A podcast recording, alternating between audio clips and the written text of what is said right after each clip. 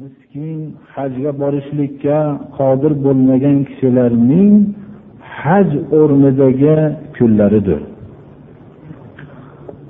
Alloh subhanahu va taolo bugunda qilmoqchi bo'lib turgan ibodatlarimizni va shu ta'limi dinimizni qabul qilsin.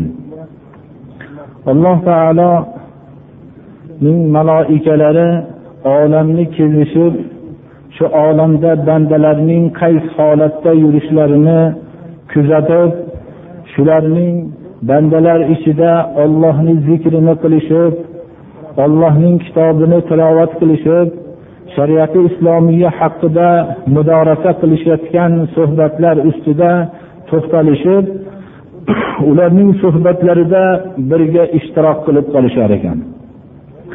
Ular bularning alloh subhanahu va taologa itoat qilib turganliklarini ko'rishib ana shu itoatdan xursandlik bilan alloh robbil alaminning huzuriga borishib shunda alloh robbil alamin bandalarimni o'zi bilib turib so'rar ekanki qanday holatda qo'yib keldinglar?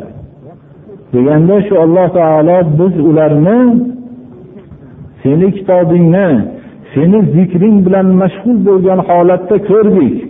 Ular bilan birga shu bo'ldik va qaytayotganimizda ham ana shunday holatda qo'ydim qo'yib keldik deganda alloh taolo sizlar guvoh bo'linglar shularning gunohlarini men kechdim ular bilan birga shu bo'ldik va qaytayotganimizda ham ana shunday holatda qo'ydim qo'yib keldik. Deganda alloh taolo sizlar guvoh bo'linglar shularning gunohlarini men kechdim deb shunday marhamat qilar ekan. Mana shunga binoan biz mana shu qur'on farzlardan keyingi afzal ibodat qur'on tilovat qilish degan asosga binoan mana shu bir uch jumadan beri qur'oni karimning bu yerdagi musulmon birodarlarimizni talablariga binoan axirgi mayda suralardan boshlagan bo'ldik. Ana shuni davom ettiramiz inshaalloh. Alloh taoloni go'yoki bizni qilayotgan shu noqis suratdagi amalimiz ham ana shunday farishtalar huzurida maqbul bo'lib alloh subhanahu va taoloning ana shu marhamatiga sazovor bo'lishlikka nasib bo'lsin.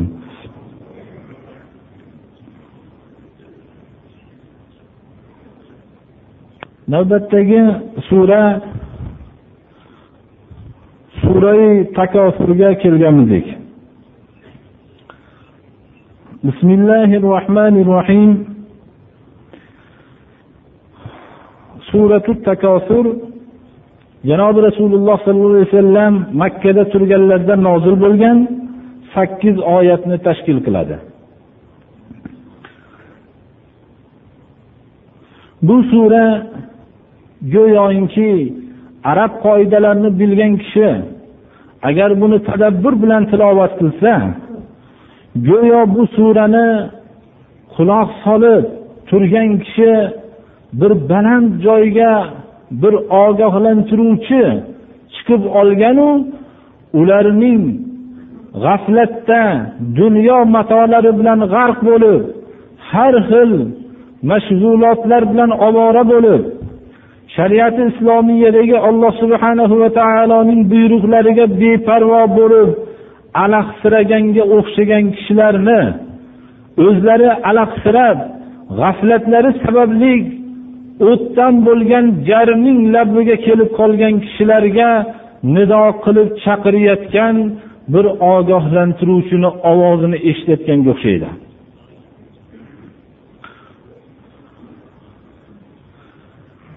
بسم الله الرحمن الرحيم. ألهاكم التكاثر حتى زرتم المقابر. كلا سوف تعلمون ثم كلا سوف تعلمون. كلا لو تعلمون علم اليقين لترون الجحيم ثم لترونها عين اليقين ثم. ثم لترونها عين اليقين ثم لتسألن يومئذ عن النعيم. sadaqallohu azim. Go'yo mana shu sura hozir aytib o'tganimizdek butun jarning labiga kelib qolgan g'aflat bilan alahsirab dunyo mashg'ulotlari bilan ovora bo'lib turgan kishilarga ogohlantiruvchining ovoziga o'xshaydi dedik.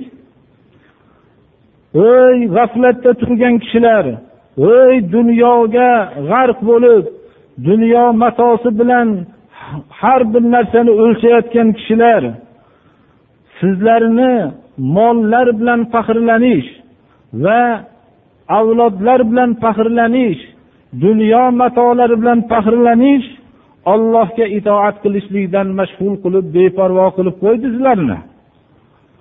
Sizlar ana shu mollar bilan faxrlanishlik va avlodlar bilan faxrlanishlik shu bilan sizlar qabrgacha kelib qoldinglar. Ya'ni qabrni ziyorat qilib qabrni o'rniga kelguninglarcha ana shu holatinglarni o'zgartirmadinglar. Ya'ni qabr vafot topib shu qabrga dafn qilinguncha daqiqalargacha g'aflat soatida o'tdinglar.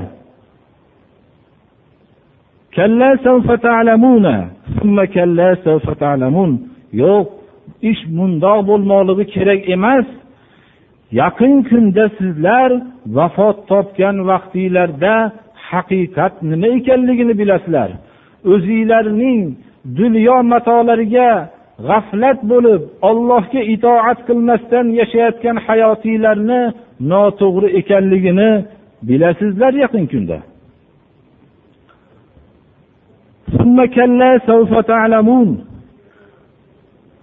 Yana bundoq ish bo'lmasin sizlar yana yaqin kunda bilasizlar qabrdan tirilgan vaqtinglarda. Haqiqat nima ekanligini yaxshi tushunasizlar shunda. Aniqroq bilganinglarda edi haqiqatni. Ana shu aniqroq bilganinglarda jahannamni ana shunda ko'rasizlar. Agar aniqroq shu islom tarafidan tushuntirilgan ollohning hukmlarini aniqroq bilsanglar sizlar jahannamni kelajakda ko'rasizlar. Keyin buni jahannam oldida hisob kitoblardan keyin davom etib hisob kitoblar davri o'tib ahli jannat ahli jannatga ahli do'zax ahli do'zaxga taqsim qilingandan keyin sizlar ana shu jahannamga billoh kirganinglarda uni aniq haqiqatni bilasizlar. Dunyoda sizlarni ana shu matoyi dunyo g'aflat shular ovora qilib sizlarni farzandlar bilan faxrlanish mana shu narsalar ovora qilganligini aniq unda haqiqiy suratda ko'rasizlar. Dunyodagi berilgan bu matoyi dunyo bizni olloh subhanahu va taoloning hukmidan g'aflatda qo'yishlik uchun berilgan emas farzandlar bizni ana shular bilan faxrlanib ollohni hukmlarini qo'yib ketishligimiz uchun berilgan emas bular hammasi bizga bir imtihon suratida berilgan. Moli davlatsiz o'tayotgan kambag'allik davri ham imtihon. Bu imtihonda ko'proq kishilar foyda imtihondan g'alabaga erishib imtihondan yaxshi baho bilan o'tishadilar. Bunda ulardagi gunohlar ma'siyatlar ko'pchilik kambag'allik davrida pokroq yashashadilar. Ammo davlatlar berilganda bu ham uni imtihon deb qabul qilishimiz kerakki davlatlar sababli ma'siyatga giriftor bo'lgan kishilar ko'pchilik tashkil qiladi. Alloh subhanahu va taolo do'zaxdagi kishilarning faryodlarni zikr qilinganda do'zaxga kirganliklarini sabablarini bayon qilayotgan o'rinlarda buning sababi ular hayotda maishatparastlik kasalligiga giriftor bo'lgan edilar.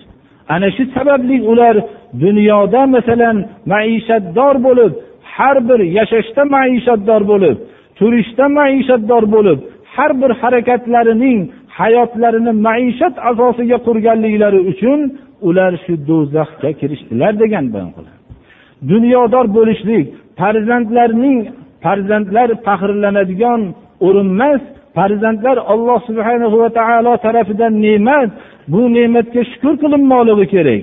U shukuri ularning faqat din yo'llarida tarbiya qilishlik bilan bo'ladi. Bo'lmasam biz farzandlar to'g'risida qiyomatda albatta so'ralajakmiz buni. Ana do'zaxni haqiqiy suratda ko'rilib aniq bilingandan keyin bu bilan ish hal bo'lmaydi.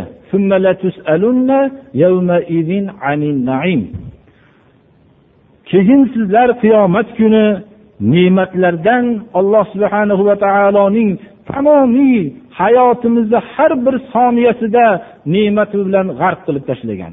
Ana shu ne'matlar bizga faxrlanishlik uchun berilgan emas ular bizni bulardan so'ralajakmiz albatta. Bular bizni imtihon uchun berilingan. Agar bu narsalarni biz shukur qilolab berilgan ne'matlarni yaxshi yo'llarga sarf qilolasak albatta bu bizga katta bir nima? Ajr bo'lib qoladi. Janobi rasululloh sollallohu alayhi vasallam shu hadisda aytgan ekanlarki shu qiyomat shu oyatni tafsirida yo rasululloh deyishgan ekanlar ashobi ikromlar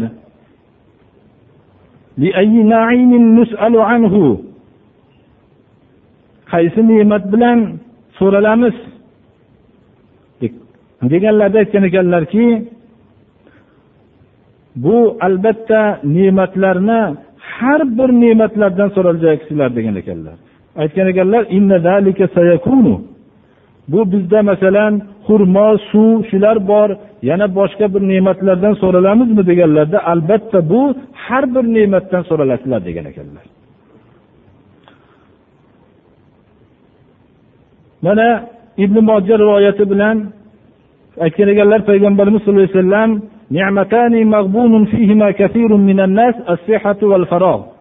ikki ne'mat borki ko'p kishilar bunda ziyonkordirlar. Ana shu ne'matning qadriga yetishmaydilar. Bittasi tandurustlik ikkinchisi porig'bonlik degan ekanlar xotirjamlik. Mana shu ne'matni qadrlashmaydilar ko'plab tandurustlikni qadriga yetishmaydilar. Tandurustliklarni faqat ma'siyatlarga sarf qilishadilar. Vaqtlarning xotirjamligini lahvlarga behuda narsalarga sarf qilishadilar. Ollohni kitobini o'ziga o'rganish boshqa narsaga sarf qilmasdan o'tishadilar. Ammo kasal bo'lib xotirjamlikni ne'matlardan mahrum bo'lishganlarda keyin ollohga sig'inishni boshlashadilar unga vaqt ham topolmaydilar va o'zlaridagi tandurustlikni yo'qolishligi bunga imkoniyat ham bermay qoladi. Sizlar so'raladi insonlar hammasi shu kunda ne'matlardan so'raladi. Bu moli davlatni qayerdan topdingiz? Haromdan topdingizmi? Haloldan topdingizmi? Haloldan topgan bo'lsangiz alloh subhanahu va taoloning buyurgan joyiga sarf qildingizmi? Yo boshqa yerlarga sarf qildingizmi? Boshqa bidaotlarga sarf qildingizmi? Bidaotlarga sarf qilib turib ham tavba qilmasdan afsus nadomat yemasdan bu bidoatlarni islomiy ehsonlar deb nom qo'yib oldingizmi? Bularni hammasidan so'ralajaksiz shundan. Moli davlatni mustaqil suratda o'zingiz yedingizmi? Yo boshqa qarindoshlarni ham sharik qildingizmi? Bularni yatimlarni hammasini sharik qildingizmi? Yo bo'lmasam o'zingizni molingizga yatimlarni sharik qilish o'rniga yatimlarni molini yedingizmi? ularni yatimlarning molini yeyishlikni ularga ehson deb nomladingizmi mana shu narsalardan qiyomat kuni so'ralajaksiz albatta alloh subhanahu va taolo qiyomat kuni mana hadisi qudusiylarda borki إن الله تعالى يقول يوم القيامة يا ابن آدم مرضت فلم تعدني قال يا رب كيف أعودك وأنت رب العالمين قال أما علمت أن عبدي فلانا مرض فلم تعده أما علمت لو عدته لوجدتني عنده alloh subhanahu va taolo qiyomat kuni ey inson farzandi ey odam farzandi kasal bo'ldim ko'rgani kelmading der ekan banda ajablanib ey robbim qanday men seni ko'rgani kelamanki sen butun olamning tarbiyat kunandasi bo'lsang sen qanday kasal bo'lasanki men ko'rgani kelmagan bo'lsam der ekan alloh taolo shunda aytar ekanki falon bandam menga sig'inuvchi agar shunday haqiqiy xudojo'y bandam kasal bo'lgan edi sen uni ko'rgani bormading. Agar sen uni ko'rgani borganingda meni ana shu yerdan toparding der ekan. Biz kasal ko'rgani bormaymiz emas boramiz. Lekin shuhratli kishilarni ko'rgani boramiz. Davlatmand kishilarni ko'rgani boramiz. O'zimizni ishlayotgan joyimizdagi rahbarni ko'rgani boramiz. Buni men noto'g'ri demoqchi emasman. Xudo uchun ko'rgani boradigan joyga bormaymiz. Ana agar u yerga borsak bizni hech kim maqtamaydi. Meni ko'rgani keldi deb birov gapirmaydi. Faqat yig'lab ana shu ollohga sig'inib mamnun bo'lib sizni haqqingizga duo qiladi xolos. Uni boshqalar maqtamaydi siz ana shunday odamlarni ko'rgani borsangiz. Ana shunday islom zuafolar dini. Islom zuafolarning himoya qiluvchi din.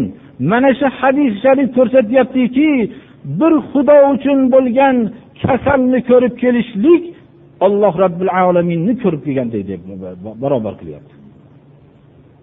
Mana shu narsa bizni dinimiz nima ekanligini bildiriladi.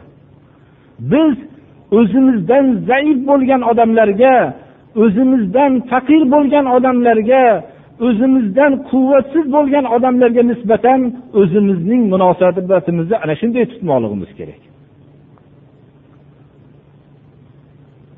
Janobi rasululloh sollallohu alayhi vasallam ana shunday og'ir bir g'azotga ketayotganlarida aytar ekanlar zaiflaringlarni olib kelinglar der ekanlar. Nogira amo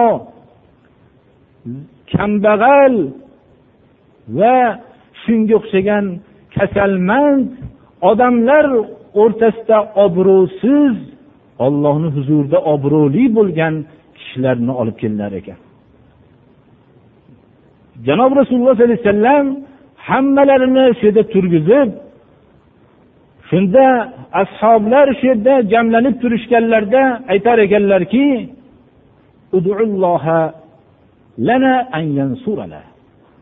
duo qilinglar bizgaki olloh shu jangimizda xudo g'alaba bersin der ekan.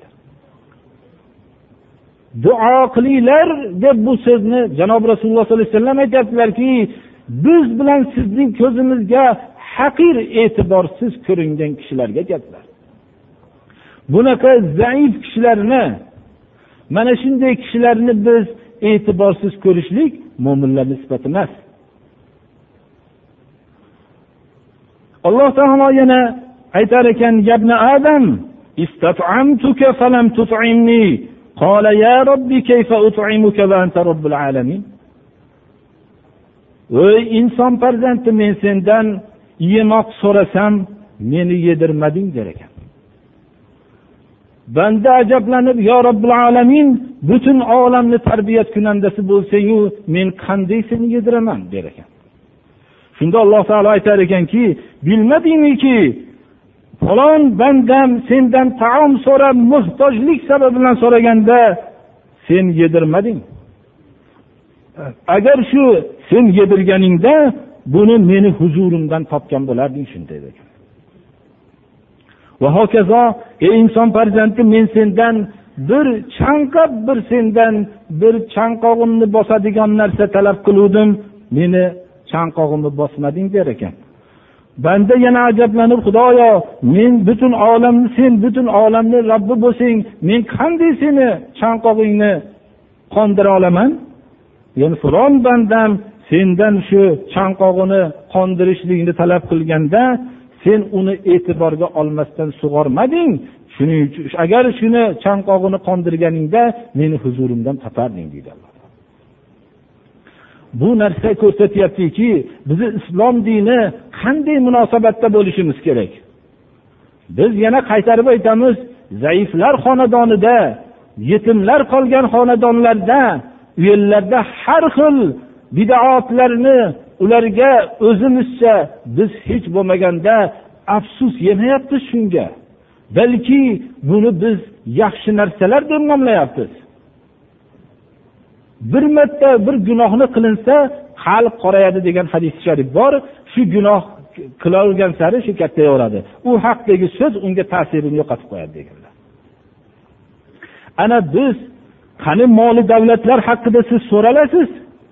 Siz u moli davlatlaringizda birovlarni bechoralarni sharik qildingizmi yo yo'qmi?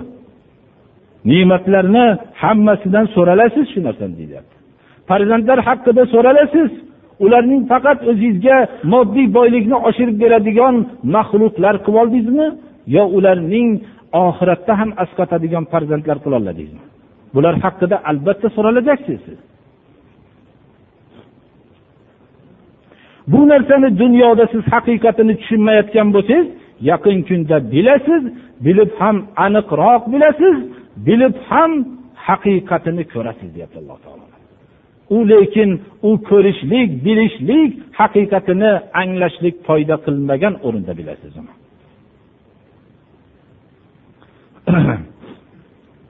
بسم الله الرحمن الرحيم سورة القارعة مكية سورة قارعة janobi rasululloh sollallohu alayhi vasallam makkada turganlarida nozil bo'lgan o'n bir oyatni tashkil qiladi Al qoriatu mal qoria bu al qoria kalimasi eshikni qattiq qoquvchi degan mazmunni anglatadi. Qiyomat qur'oni karimda har xil so'zlar bilan ifodalangan al qoriatu al qiyamatu al haqqatu at tommatu mana shunday so'zlar bilan ifodalangan. Qiyomatning eshikni qattiq qoquvchi ma'nosini qiyomatga istilohiy ma'no berilishligi quluplanib qolgan haqiqat kirishlikdan mahrum bo'lgan qalblar darvozasini qiyomat xabarlari ochib tashlaydigan bo'lganligi uchun unday bekilib qolgan qalblarga qattiq zarba bilan u ovoz qilib ovoz qiluvchi bo'lganligi uchun al qoriatu kalimasi bilan qiyomatni shunday ifodalanadi. Ya'ni bu qalblar darvozasini qattiq qoquvchi. Nima u? Qalblar darvozasini qattiq qoquvchi. Bilasizmi? U al qoria nima ekanligini. Al qoria qiyomat dahshati qiyomatning mohiyati insonning bilish maydonidan yuqori turadi. Uning bilish maydoni qiyomat dahshatini mohiyatini bilishlikka uning idroki kuchi yetmaydi.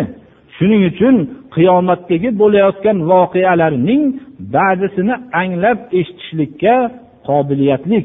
Shuning uchun sura al qoriyada keyin javobiga keltirilayotgan narsa qiyomat dahshatlarining ba'zi insonlarda va biz ko'rib turgan bu tabiatdagi o'zgarishlarni bayon qilishlik bilan kifoyalanadi.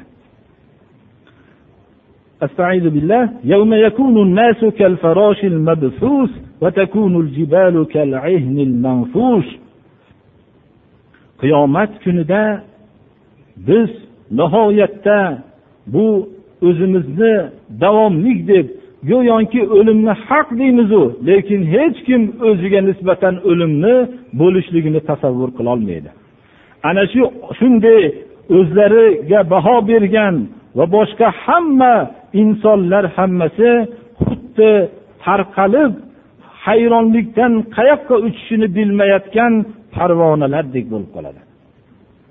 Parvona mana chiroqga o'zini urayotgan kichkina hayvonni parvona deymiz. Qayoqqa o'zini urishini bilmayotgan shunday dahshatda hayron bo'lib uchib yurgan parvonalardek bo'lib qoladi. O'zini mustahkam o'zini hech holatini o'zgarmaydigan deb davo qilgan kishilarning ahvoli shu bo'ladi.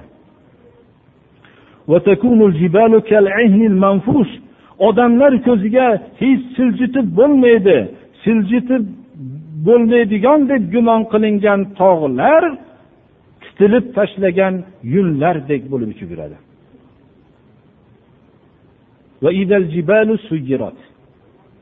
Tog'lar uchirilganda.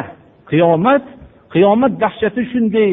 Qiyomatdagi holatning o'zgarishi olamdagi eng mustahkam bo'lgan o'rnagan tog'larga bo'lgan ta'siri ularning titib tashlangan yunlardek bo'lib qoladi.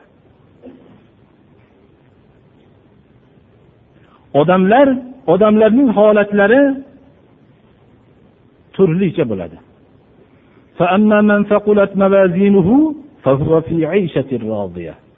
Ammo tarozilarida amallari og'ir kelgan kishilar ular shunday dahshatli soatlarda o'zlarini mamnun qiluvchi va o'zlariga nihoyatda yoqimli bo'lgan hayot kechirishib yashaydilar. Agar ularning amallari shunday mustahkam va shunday shariatga muvofiq bo'lgan bo'lsa u yerdagi olloh subhanahu va taoloni hukmiga muvofiq bo'lgan amallargina og'ir keladi. Bizning bilan sizning ko'zimizda ko'rinib turgan iymon asosiga qurilinmagan amallar hammasi ular biror bir zarra miqdorida og'irlikni ololmaydi u yerda. Ana shunday amallari og'ir kelgan kishilar ular nihoyatda mamnun qiluvchi qoniqtiruvchi va o'zlariga nihoyatda ma'qul bo'lgan hayotdadirlar.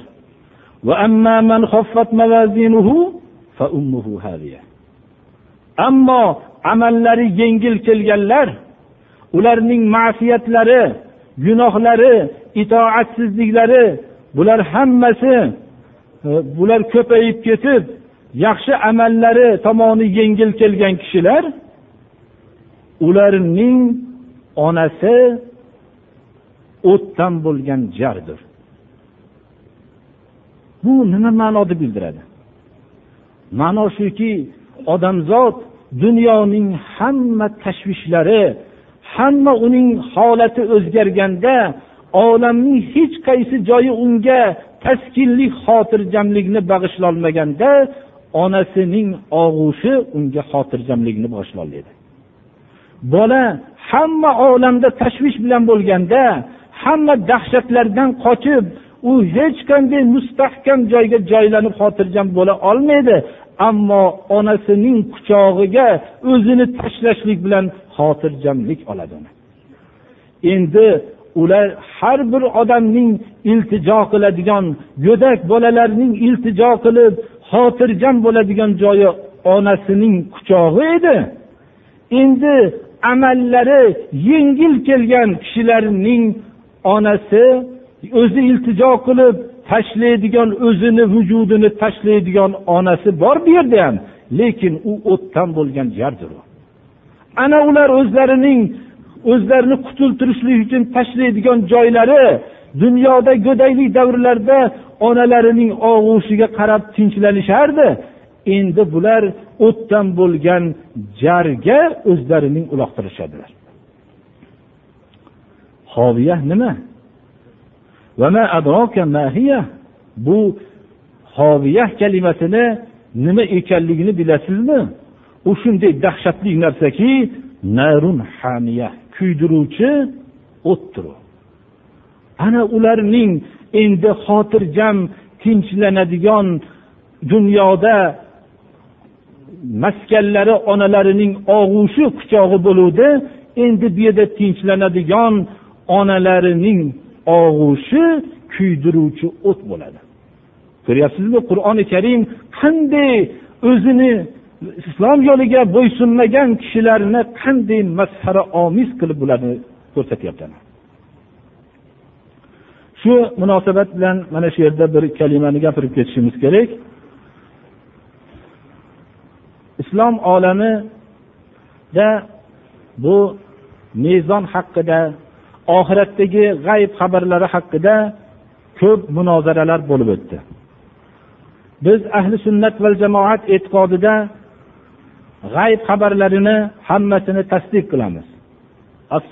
Haqqun val mizanu haqqun ya'ni jahannam ustiga quriladigan ko'prik haq va odamlarning amallarini tortadigan mezon tortish asbobining bo'lishligi haq. Deb iymon keltiramiz.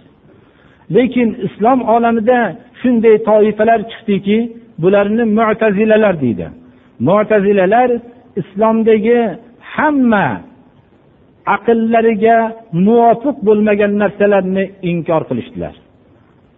Shular jumlasidan bittasi mezon edi. Biz ahli sunnat va jamoat mezonni haq deymiz lekin uning kayfiyati bizga qorong'i. Uni mezonni alloh subhanahu va taolo amallarni qanday tortadigan asbob qilishligini o'zi yaxshi biladi deymiz. Biz uning kayfiyati qanday bo'lishligini biz bilmaymiz deymiz. Mo'tazilalar o'zlari dunyodagi tarozini ko'rishdilarki ikkita pallasi bor uning bir tarafiga tosh ikkinchi bir tarafiga tortib olmoqchi bo'lgan narsalarni qo'yishini ko'rishganlaridan keyin ular amalning moddiy narsa emas ekanligini bilishib insonlarning amal amallari bu tortiladigan narsa emas. Shuning uchun mezonni inkor qilishdilar. Va shundan keyin aqlga muvofiq emas bu deyishdilar. Bu gaplari mantiqiy emas edi. Bir kishining aqliga bir narsaning to'g'ri kelmasligi bilan aqlga to'g'ri kelmasligi kelib chiqmaydi. U odam agar gapi mantiqiy bo'lsa aqlimga to'g'ri kelmayapti deyish kerak. Dunyodagi hamma aql uning aqli emas albatta. Aqlimga to'g'ri kelmayapti deyish kerak edi. Masalan sizga bir narsa aqlingizga to'g'ri kelmasa shu bilan aqlga to'g'ri kelmasligi kelib chiqmaydi. Sizning aqlingizga to'g'ri kelmasligi kelib chiqadi. Agar mana shu yerda o'tirgan jamoadagi kishilarning aqliga islomning hukmlaridan bittasi to'g'ri kelmay qolsa mana shu yerda o'tirgan kishilarning aqliga to'g'ri kelmasligi kelib chiqadi aqlga to'g'ri kelmasligi kelib chiqmaydi albatta. Dunyodagi hamma aql bu yerda o'tirgan kishilarning aqli hamma emas. Shunga o'xshagan yer kurrasidagi hamma insonlarning bir asrda yashab turgan kishilarning aqliga bir narsa muvofiq kelmasa aqlga to'g'ri kelmasligi ham kelib chiqmaydi. Aql bu yer kurrasida turgan hozirgi yashab turgan kishilarning aqligina emas albatta. Bundan boshqa kelajak davrlardagi aqllar ham bor. Mana mezon deganimiz ham shu jumladanki mezon tortish arab tilida asbobida aytadi. Ana davrlar keldiki ularning ana isbotlandiki mezon o'lchov asbobi havo bosimini o'lchov asbobi chiqdi. Uni bir tarozining bir pallasiga qo'yilmasdan ham o'lchab qo'yilyapti. Issiqlikni qancha bo'layotganini o'lchov asbobi chiqdi. Havo namligini o'lchanyapti va hamda qon bosimini o'lchanyapti. Bular hammasi shunday o'lchov asboblari chiqdiki ularning bo'lishligi uchun palla bo'lishligi shart emas. Mana aqlga to'g'ri kelib qoldiki demak alloh subhanahu va taolo qiyomat kuni ham mo'minlarning va kofirlarning amallarini o'lchov asbobini yaratadi biz bunga iymon keltiramiz lekin u o'lchov asbobining shakli kayfiyatini biz bilmaymiz deb iymon keltiramiz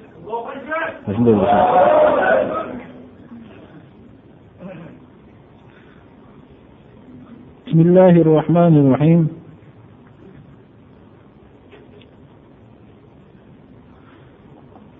suratul adiyat. Janobi rasululloh sollallohu alayhi vasallam makkada turganlarida nozil bo'lgan o'n bir oyatni tashkil qiladi. Sura surai odiyot mana bir marta o'tgan darslarimizda bitta qasamni ifodalab aytgan bo'ldik. Mana bunda qasam kalimasi bilan boshlanadi.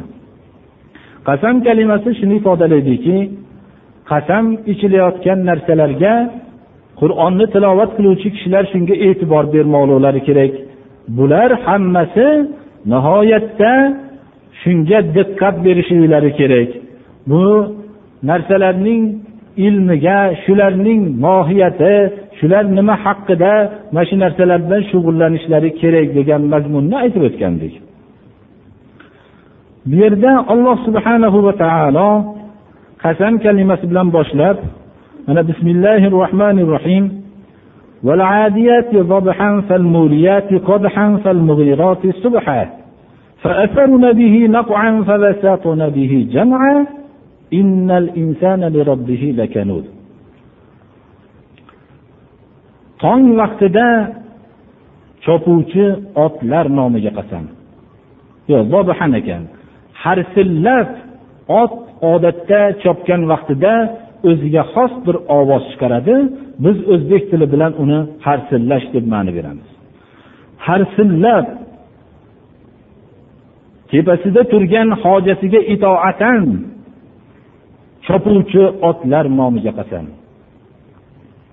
Chopishda ham tuyoqlari bilan oyoqlari tuyoqlari ostidagi toshlarga tez chopishlik natijasida uchqunlar chiqarib tezlik bilan chopayotgan otlar nomiga qasam.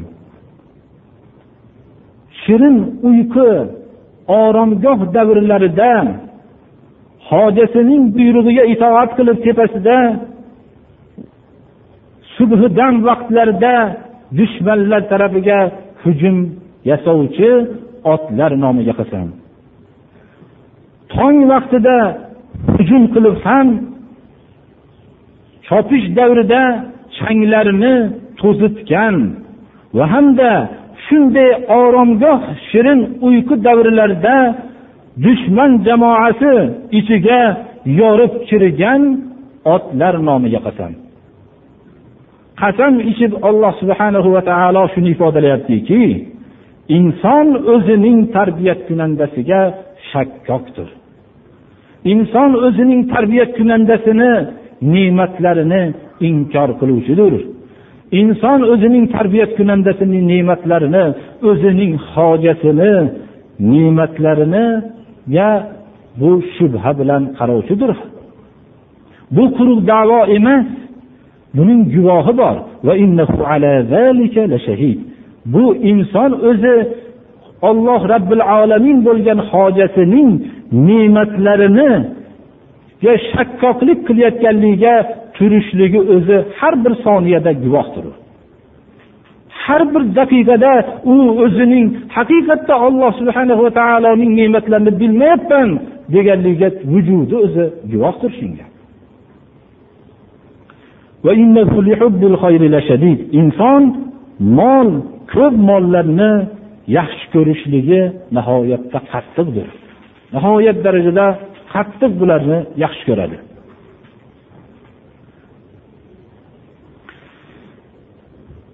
Otlar o'zining hojasi tarafidan berilayotgan vosita orqali berilayotgan yem va ozuqasini oqlashlik uchun u harsillab chopsa u tuyog'idan chopish davrida shunday tezlik bilan oyog'idan tuyog'idan uchqunlar chiqarsa oromgoh shirin dam olish davrlarida dushmanlarini hojasining dushmanlari tarafiga hujum yasasa hujum yasash davrlarida changlarni to'zitsa va dushman jamoasini ichini yorib kirsa uyat endi inson o'zining hojatini buyrug'iga nonko'r bo'lsa nahotki o'zi minib turayotgan otcha bo'lolmasa ot o'zining hojati tarafidan yeyotgan ozuqasini hojati bermaydi hojati yaratgan emas kim ayta oladi ana shu hashaylarni yeydigan ozuqalarni men yaratdim deb? Lekin shu vosita bilan ana shuni ta'minlayotgan hojatiniga itoati shunday rohatini kechib ana shunday qilsayu inson bo'lsa o'zining haqiqiy hojati bo'lgan robbil olaminga nonko'r bo'lsa ana qasamning sura mazmuniga bog'lanishi mana shundan iborat. Mana shu kalimaga bir diqqat berishimiz kerak. Qur'oni karimda moli davlatni xayr kalimasi bilan fazlulloh kalimasi bilan shular bilan ifodalanadi. Ya'ni moli davlatni islom dini yomon narsa deb ifodalamaydi. Islom dini moli davlat ollohning ne'mati ollohning fazli. Lekin bu narsani imtihon berishlik uchun berilganligini his qilolmagan mo'minga xayr ifodalaydi va fazlulloh bo'lolmaydi bu narsa. Agar shu narsani unga sig'inishligi shu molga sig'inib ketsa molni haqiqiy hayotdagi o'lchov deb bilsa bu ana shu unga yomon bo'layotgan narsa shu. U mol yomon narsa emas. Qur'oni karim ifodasi bilan al xoyr al shunday kalimalar bilan ifodalanadi. Mana shu yerda ham molning muhabbatiga ya'ni ko'p molning muhabbatiga nihoyatda qattiqdir أفلا يعلم إذا بعثر ما في القبور وحصل ما في الصدور إن ربهم بهم يومئذ لخبير u qabrlardagi hamma mavjudot ya'ni insoniyat bu bashariyat hammasi bular hammasi qo'zg'atilganda bilmaydimi va qalblardagi bekilgan narsalar hammasi ro'yobga chiqarilganda bilmaydimi? Bu kunda agar dunyoda bu narsani sezmayotgan bo'lsa ham ularning odamlarning tarbiyat kunandalari mana shu odamlarni bu kunda hamma amallardan xabardordir. Alloh subhanahu va taolo dunyoda ham bandalarning har bir amaldan xabardor lekin bu xabardor ekanligini mo'min kishilargina biladi. Hamma odamlar bilmaydi. Ana u qiyomat kunida hamma odamlar robbilarining har bir qilayotgan harakat sakanotlardan xabardor ekanligini biladi. Lekin unda bilishlik foyda bermaydi. U bilishlik ollohni ne'matlarini bilishlik hech bo'lmaganda ot o'zining hojatiga nisbatan ana shu ne'matlarini bilgancha bo'lmoqligi kerak shu narsa. Inson butun mavjudot insonga bo'ysundirilgan bo'la turib insonga hamma mavjudot alloh robbil alaminning bo'ysundirganligi bilan bo'ysunib tursayu hatto o'zining rohat davrlaridan voz kechsayu lekin inson haqiqiy shu dunyodagi yaratilgan narsalarning olloh subhanahu va taolo tarafidan xalifasi bo'la turib o'zining hojati bo'lgan robbil olaminga bo'ysunmasa bu juda sharmandalik bu endi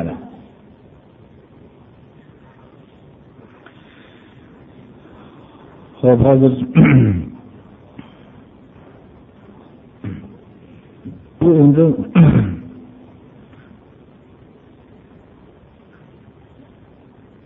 amin. Alloh taolo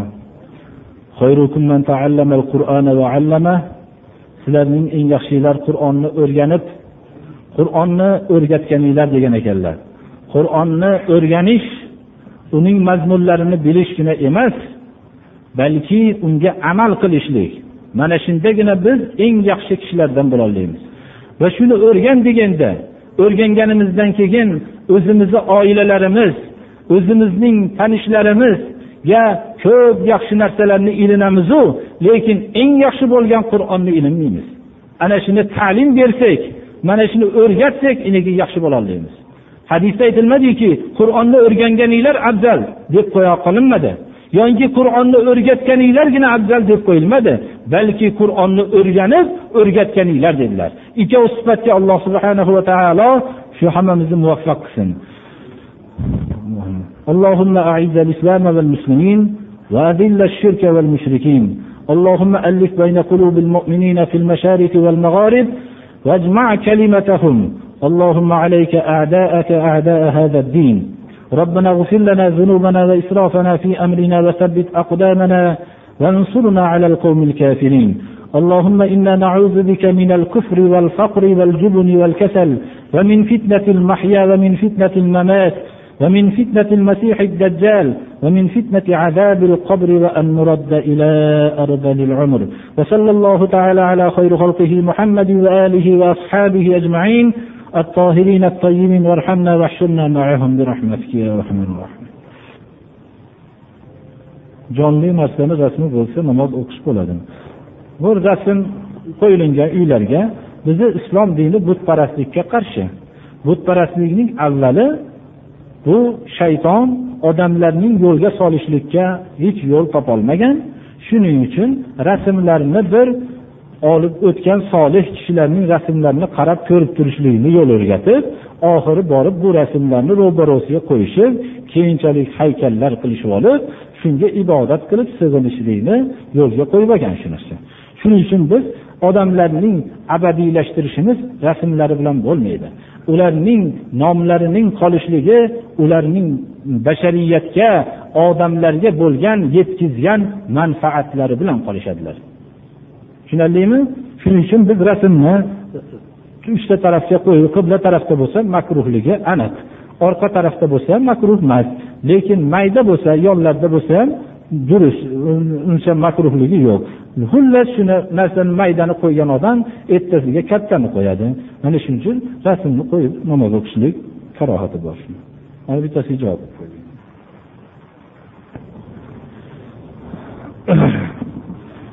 الحمد لله الذي خلق السماوات والأرض وجعل الظلمات والنور ثم الذين كفروا بربهم يعدلون هو الذي خلقكم من طين ثم قضى أجلا وأجل مسمى عنده ثم أنتم تمترون وهو الله في السماوات وفي الأرض يعلم سركم وجهركم ويعلم ما تكسبون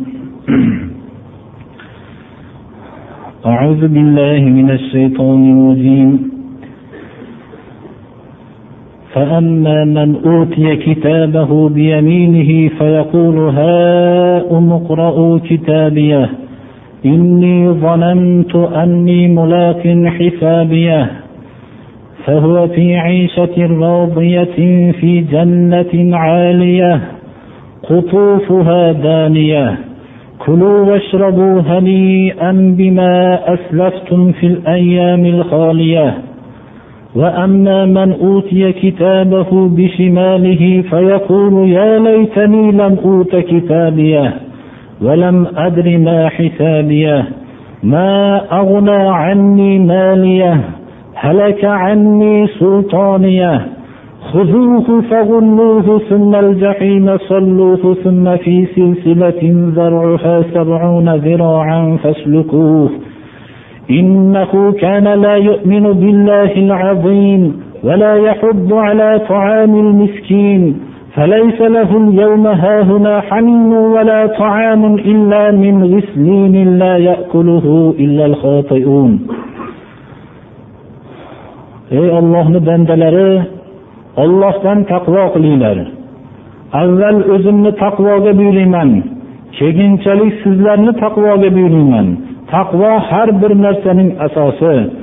Alloh subhanahu va taolo qiyomatni bizga xabarlarini berdi. Qiyomatni xuddi ko'z oldimizda ko'rinib turgandek qilib suratlab berdi.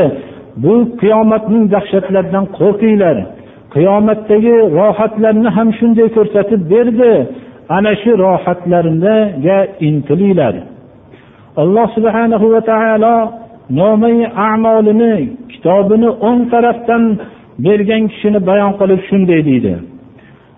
Nomai amoli ya'ni butun dunyoda qilgan amallari yozilgan kitob o'ng tarafdan berilgan kishilar shunday dahshat soatida uning xursandligini o'zining xursand bo'lib rohat joylarda ekanligini bilib qichqirib tashlaydiki ey odamlar mening kitobimni bir o'qinglar. Men o'ylabmanki hisobga uchrar ekanman deb o'ylabman. Men hisobsiz mana shu holatga yaxshi holatlarga muyassar bo'ldim. Alloh subhanahu va taolo aytyapti bunday kishilar juda oliy bog'larda ularning mevalari hammasi ularga qiyinchiliksiz qo'llariga tegadigan joyda. Alloh tarafidan xitob qilinib turiladiki yeyglar ichinglar o'tgan dunyoda yaxshi amal qilganinglar uchun degan xitoblar bo'lib turadi. Ammo amallari yozilgan kitob chap tarafidan berilgan kishilar ular bo'lsa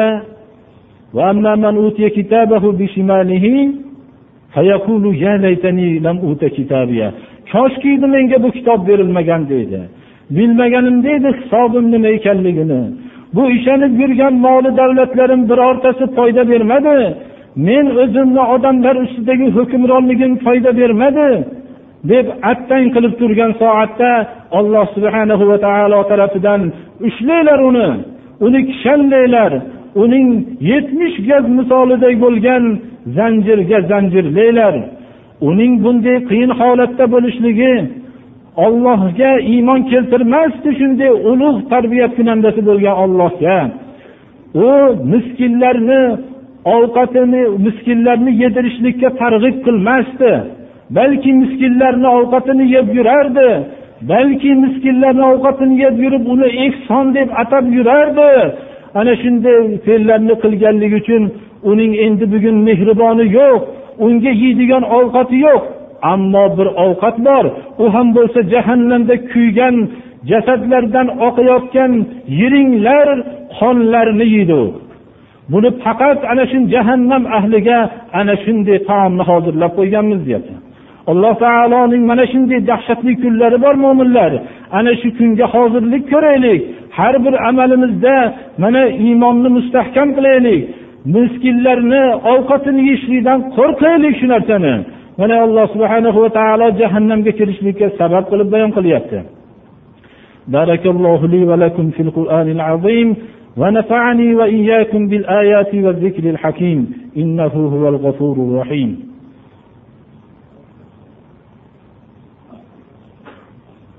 الحمد لله رب العالمين والصلاة والسلام على محمد خاتم الأنبياء والمرسلين وعلى آله وأصحابه الآمرين بالمعروف والناهين عن المنكر إلى يوم الدين خصوصا على الصديق والفاروق وذي النورين والمرتضى أئمة رضوان الله تعالى عليهم أجمعين.